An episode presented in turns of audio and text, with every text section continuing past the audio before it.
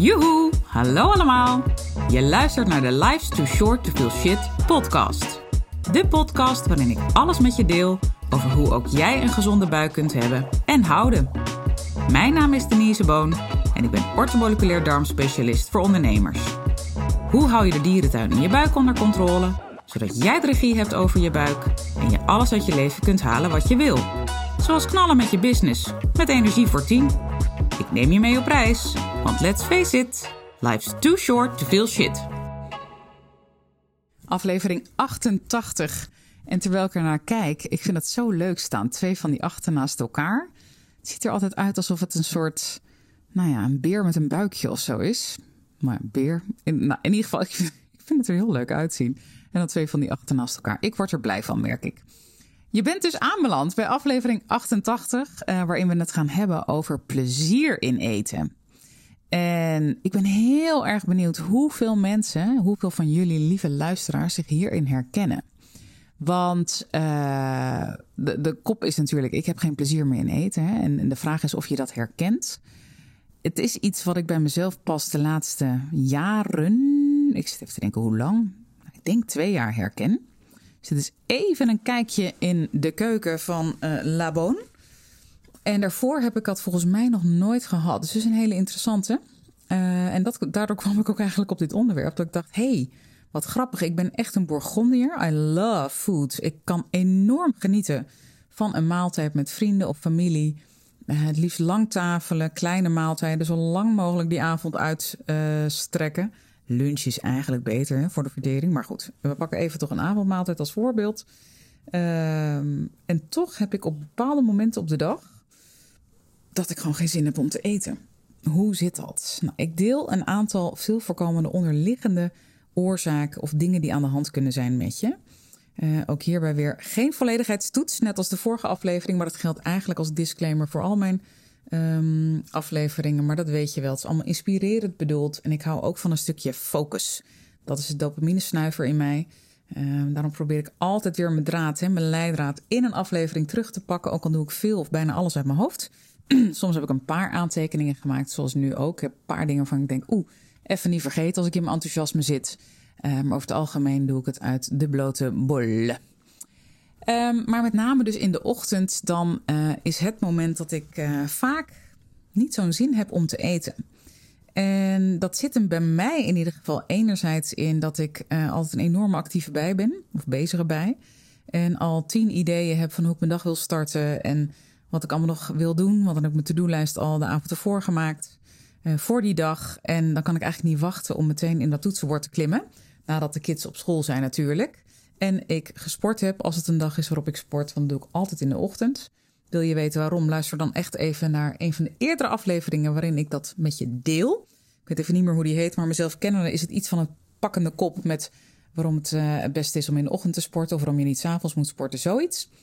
Uh, dus dan ben ik zo enthousiast en heb ik zo'n zin om te beginnen aan de, aan de werkdag dat ik eigenlijk meteen het liefst achter mijn laptop zou gaan zitten. Of een filmpje opnemen of wat dan ook. Um, en dan negeer ik eigenlijk gewoon volledig mijn spijsvertering. Dus dat is sowieso iets wat ik zelf heel erg herken. Maar er zitten ook echt mogelijk aanwijsbare onderliggende um, oorzaken, ja, oorzaken die daarin een rol kunnen spelen. En die wil ik graag met je delen. De eerste is de vertering. En met name de vertering vanuit de maag gezien.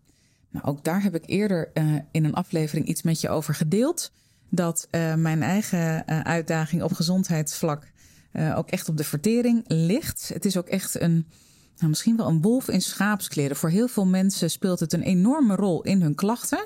Nou heb ik gelukkig geen fysieke klachten. Heel blij mee. Maar toch zijn er ook bij mij wel bepaalde symptomen, zoals ochtends minder trek hebben, die nog steeds duiden op dat die vertering aandacht nodig heeft. En met name in mijn geval meer ontspanning, hè, zeker bij het ontbijt, toepassen. Uh, zodat mijn lijf zelf dat maagzuur meer kan aanmaken. Dus nou, gelukkig heb ik ook nog van alles te doen. Hè? Uh, niemand is heilig, ik zeker ook niet. En dat deel ik gewoon in alle eerlijkheid met je. Want ik ga niet de schone gein ophouden. Daar ben ik sowieso niet van.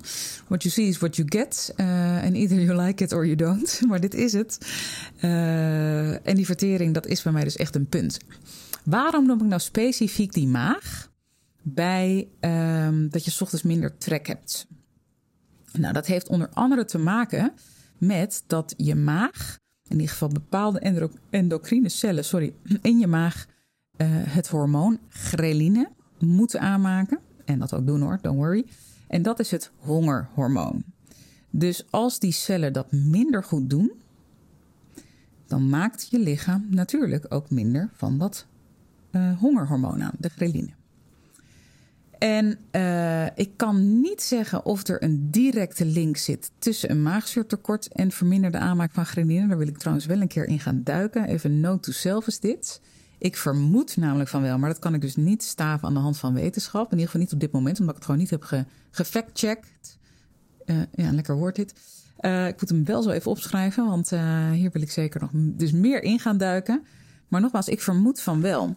En dan ga ik heel even, dat wilde ik net eigenlijk doen, maar dat ben ik vergeten. Dus ik ga even snel googlen op orgaanklok. Want zoals je weet ben ik ook wel fan van af en toe eens even een, kijkje nemen in de Oosterse geneeswijze. Um, en wat zij uh, zoal zeggen, waaronder de orgaanklok. Want dat kan heel veel zeggen ook over wat er nog meer aan de hand is in je lijf. Nou, ik heb hem hier te pakken. Uh, ja, zie je inderdaad. Ik had het al in gedachten, maar ik wil het altijd zeker weten. Nou, tussen 7 en 9 uur ochtends is het de tijd van de maag. Dat is natuurlijk ook de tijd dat verreweg de meeste van ons hun ontbijt nuttigen. Dat is alleen maar goed. Het enige is op het moment dat je geen trek hebt, en daar komt weer even het linkje met eh, minder plezier in eten, ga dan niet eten. Want het kan heel goed zijn dat jouw vertering op meerdere punten hapert, waaronder in de, uh, de dunne darm en ook de dikke darm. Want de dunne darm, hè, daar moeten de enzymen, de spijsverteringsenzymen vanuit je lever en je alvleesklier bij je eten komen om het eten verder af te breken. En in de dikke darm moeten uh, je goede darmbacteriën dat voor een deel oplossen. En bij heel veel mensen voor een heel groot deel, een groter deel dan eigenlijk zou moeten, omdat het daarboven al hapert in de maag en in de dunne darm. Maar dat even terzijde. Betekent wel dat het voor jouw lichaam dus hard werken is in de nacht om dat eten weg te werken en te verteren en er ook nog de voedingsstoffen uit te halen. Uh, en dat dat ook vaak een reden is waarom mensen slecht slapen. Puur, daar kom ik weer, de vertering. Dus ook al is het geen sexy onderwerp en denk je waarschijnlijk, dat zit bij mij wel goed hoor. Um, doe de test, laat het uitzoeken, want het kan heel goed zijn dat ook bij jou hier een enorme winst te behalen valt. En dat is altijd meegenomen. Dus die maag die speelt hè, zowel vanuit die aanmaak van ghreline, dat hongerhormoon, uh, een belangrijke rol in waarom je bijvoorbeeld ochtends geen plezier hebt in eten. Ik pak natuurlijk nu heel even mijn eigen situatie als uitgangspunt. En dat herken ik ook het meest van uh, klanten in mijn praktijk overigens. Dus het is niet helemaal een NS1. Sterker nog, nu ik er even, zo even bij stilstaan over nadenken, ik hoor het heel vaak. Want heel vaak zijn klanten ook verrast als ik zeg: als je ochtends geen trek hebt, niet eten. Ga pas eten als je trek krijgt. Dus neem desnoods je, je ontbijt mee naar je werk. Dat kan natuurlijk niet altijd als je een presentatie moet geven of iets. Maar heel vaak kan het wel, alleen zijn we het niet gewend en vinden we het daarom bij voorbaat al lastig. Want we moeten het klaarmaken, we moeten het meenemen. En oh, dan ga ik het bij collega's opeten. Wat zullen die wel niet denken? Want je bent anders dan anderen. Nou, be the pioneer. Wees jij eens degene die het, uh, die het eens een keer anders doet. Vind ik alleen maar een pre, maar that's me. Probeer eens even, hè, durf eens uit die comfortzone te gaan. En ga echt goed luisteren naar wat heeft jouw lijfje te vertellen. Alright, dan gaan we terug. Dus dit was eigenlijk nummer 1 die ik met je wil delen. Als je dus ochtends uh, geen plezier hebt in eten, uh, ook omdat het vaak ook een gehaastige uh, klus is. Hè? alles en iedereen de deur uit. nou, zorg dat je ook nog een beetje goed voor de dag komt. En dan moet er ook nog wat eten in. Zorg dat je dat in een ontspannen staat doet en dat je dus echt trek krijgt. Of trek hebt, moet ik zeggen. Tweede wat ik hierin met je wil delen, hè, welke speler hier ook vaak een rol in speelt, is de lever. De lever, als die overbelast is, en er zijn heel veel mensen met een overbelaste lever. Ik denk ook dat er heel veel mensen zijn met een non-alcoholische vervette lever, hè, een leververvetting. Dat komt in ieder geval heel vaak voor, veel vaker dan, uh, dan vroeger. Um, en vroeger werd het heel vaak geweten aan, hè, dan zal u wel heel veel alcohol drinken, maar dat is dus zeker niet altijd het geval. Sterker nog, vaker niet dan wel, denk ik. Maar goed, dat durf ik niet helemaal te zeggen, want dat heb ik dus ook niet gefactcheckt. Um, maar daarom is ook de term hè, een non-fatty uh, liver Denise, vervetting. Yes, nee, een non-alcoholic. Leververvetting is het. Geeft allemaal niks. Je kent me, ik ga niks knippen en plakken. Dit is ook gewoon wie ik ben, dus een verspreking hoort er ook bij. Uh, maar als die lever dus overbelast is, en vaak ontbreekt het dan dus voor de lever aan essentiële voedingsstoffen, bepaalde vitamines, mineralen, in de juiste hoeveelheid om die fabriek maar draaiende te houden. Hè? Het is één grote afvalverwerkingsfabriek. Maar de lever doet nog veel meer, dat weet je van me. Activeren van vitamine D bijvoorbeeld heeft ook een rol, speelt het in de, het stabiel houden van je bloedsuikerspiegel. Dat doet dus niet alleen je alvleesklier hè, met de insuline aanmaak. Dus hele interessante. Gaan we het ook meer over hebben in mijn leverprogramma later dit jaar. Daar komt dus echt heel veel aan. Dat uh, hoor je me wel vaker zeggen. Ik kan ook niet wachten om al die programma's, de masterclasses te maken. Ik ben al met een paar begonnen. Um, eerst volgende die eraan komt gaat over opgeblazen buik en hoe je die kan tackelen. Dus uh, hou me daar uh, zeker ook over in de gaten. Terug naar de lever. Als die dus overbelast is, uh, dan heeft dat ook zijn effect op nou ja, de wisselwerking eigenlijk tussen ghreline, het hongerhormoon, en leptine, het verzadigingshormoon. onder andere. En ook omdat dus die bloedsuikerspiegelstabilisatie ook zo'n belangrijke rol is van de lever. Dus als die van de leg is, om maar even zo te zeggen, dan voert hij dus ook zulke soort taken minder goed uit. Wat jij kunt merken onder andere aan uh, een heel wisselend nou ja, trekpatroon, zeg maar. Hè? Dus dat je bijvoorbeeld ochtends geen of later pas trek krijgt. Denk dan dus ook echt aan je lever. Als laatste, want dit keer wil ik een drieluik met je delen. En um, soms doe ik, drie, eh, doe ik vijf oorzaken, soms wel meer en soms één. En in dit geval dacht ik aan drie die ik met je wil delen. Is uh, de schildklier. En ook daarbij, als we dan kijken naar de meest, twee meest voorkomende schildklierafwijkingen, zijn uh, eigenlijk heel simpel: hè? Een, een, te snel werkende schildklier, een hyperthyreoïdie. Of een te langzaam, te traag werkende schildklier, een hypothyreoïdie. En uh, met name als je dus wat minder trek hebt, dan is, heb je eerder kans, of eigenlijk grotere kans op dat je schildklier wat trager werkt. Dus een hypothyreoïdie dan een hyper. Maar meteen de disclaimer erbij. Je, hoort hem, je, je kan hem bijna al inkoppen. Ik heb al zo vaak uitzondering op de regel gezien in mijn praktijk. Dat ook hierbij het heel goed kan zijn dat jij net die uitzondering bent. Dus doe geen aannames. Ik moet meteen denken aan een hele leuke klant van me. Ik zal geen naam noemen. Zij heeft een hypothyreoïdie gediagnosticeerd, jaren geleden al. En zij is hartstikke slank. Uh, naar alle symptomen die ze maar passen bij een hyper heeft zij, maar het is een hypo, als je begrijpt wat ik bedoel. Dus ze zegt ook heel vaak: Ik herken me totaal niet in het klassieke lijstje met symptomen die horen bij uh, nou ja, haar diagnose. Ze gaat wel heel goed op de uh, medicatie die ze heeft gekregen. En ze had daar wat weerstand op op de medicatie. Ze neemt het liever niet. Dus ze doet vaak een periode even wel en dan weer niet, geloof ik. Dat werkt voor haar heel goed. En daar gaat het natuurlijk om. Hè. Doen wat bij jou past. Uh, dus het geeft wel aan dat de diagnose juist was. Maar de symptomen dus niet alleszeggend zijn. Dus dat wilde ik even met je delen. Um, maar dat kan dus echt zijn. Hè, dus als die schildklier van de WAP is, dan uh, dat je dat heel erg kunt merken in nou ja, ook minder plezier in eten, minder trek. Het smaakt je ook wat minder. Uh, en dat bedoel ik met dat geen plezier. Hè? Zowel dat je bijvoorbeeld minder trek hebt, of dat het heel erg wisselt wanneer je trek hebt. Op de meest gekke momenten van de dag in één keer wel, of juist in één keer niet. Uh, maar dus ook dat je gewoon letterlijk wat minder lol erin hebt. Denk dan dus ook aan die schildklier.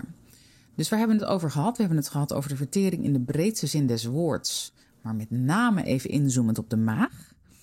Uh, omdat daar met name natuurlijk de hormoon, of het hormoon ghreline wordt aangemaakt maar ook vaak een maagzuurtekort zo'n enorme rol speelt op de vertering. Uh, en ook hè, hoe lang je lijf s'nachts nog bezig is met het verwerken van de avondmaaltijd van de dag ervoor. Wat ook weer kan zorgen dat je later trek hebt. Hè? Dus wat dat betreft zit het wel breder dan alleen die maag. Want dan komt natuurlijk ook de darm bij om de hoek kijken die we hebben besproken. De lever hebben we, hebben we besproken.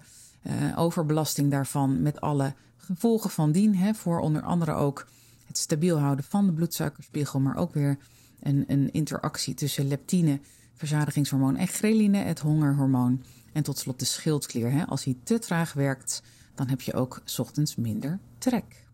Even grosso modo. Dit was hem weer. Ik ben heel benieuwd wat je, wat je van deze aflevering vond. Deel het met me, dan doe jij mee met jouw feedback aan de winactie die we elke maand hebben. Ik wens je een hele mooie dag en uh, Ook hierbij weer even een kort oproepje. Als er een onderwerp is waar je meer over wil weten, let me know. Tot de volgende keer. Hoi hoi. Toppers, bedankt voor het luisteren. Leuk dat je er weer was. Smaakt dit naar meer? Abonneer je dan even op mijn podcast. Zo zorg je ervoor dat je geen enkele updates mist en dat jij volledig up-to-date bent over hoe jij je buik gezond houdt with fun and ease. En als mijn afleveringen waardevol voor je zijn, laat hem dan even weten. Vind ik leuk. Je maakt me het meest blij met een korte review via iTunes of Spotify. Alleen het aantal sterren aangeven dat jij de podcast waard vindt is voldoende. Je kunt me ook taggen via Instagram.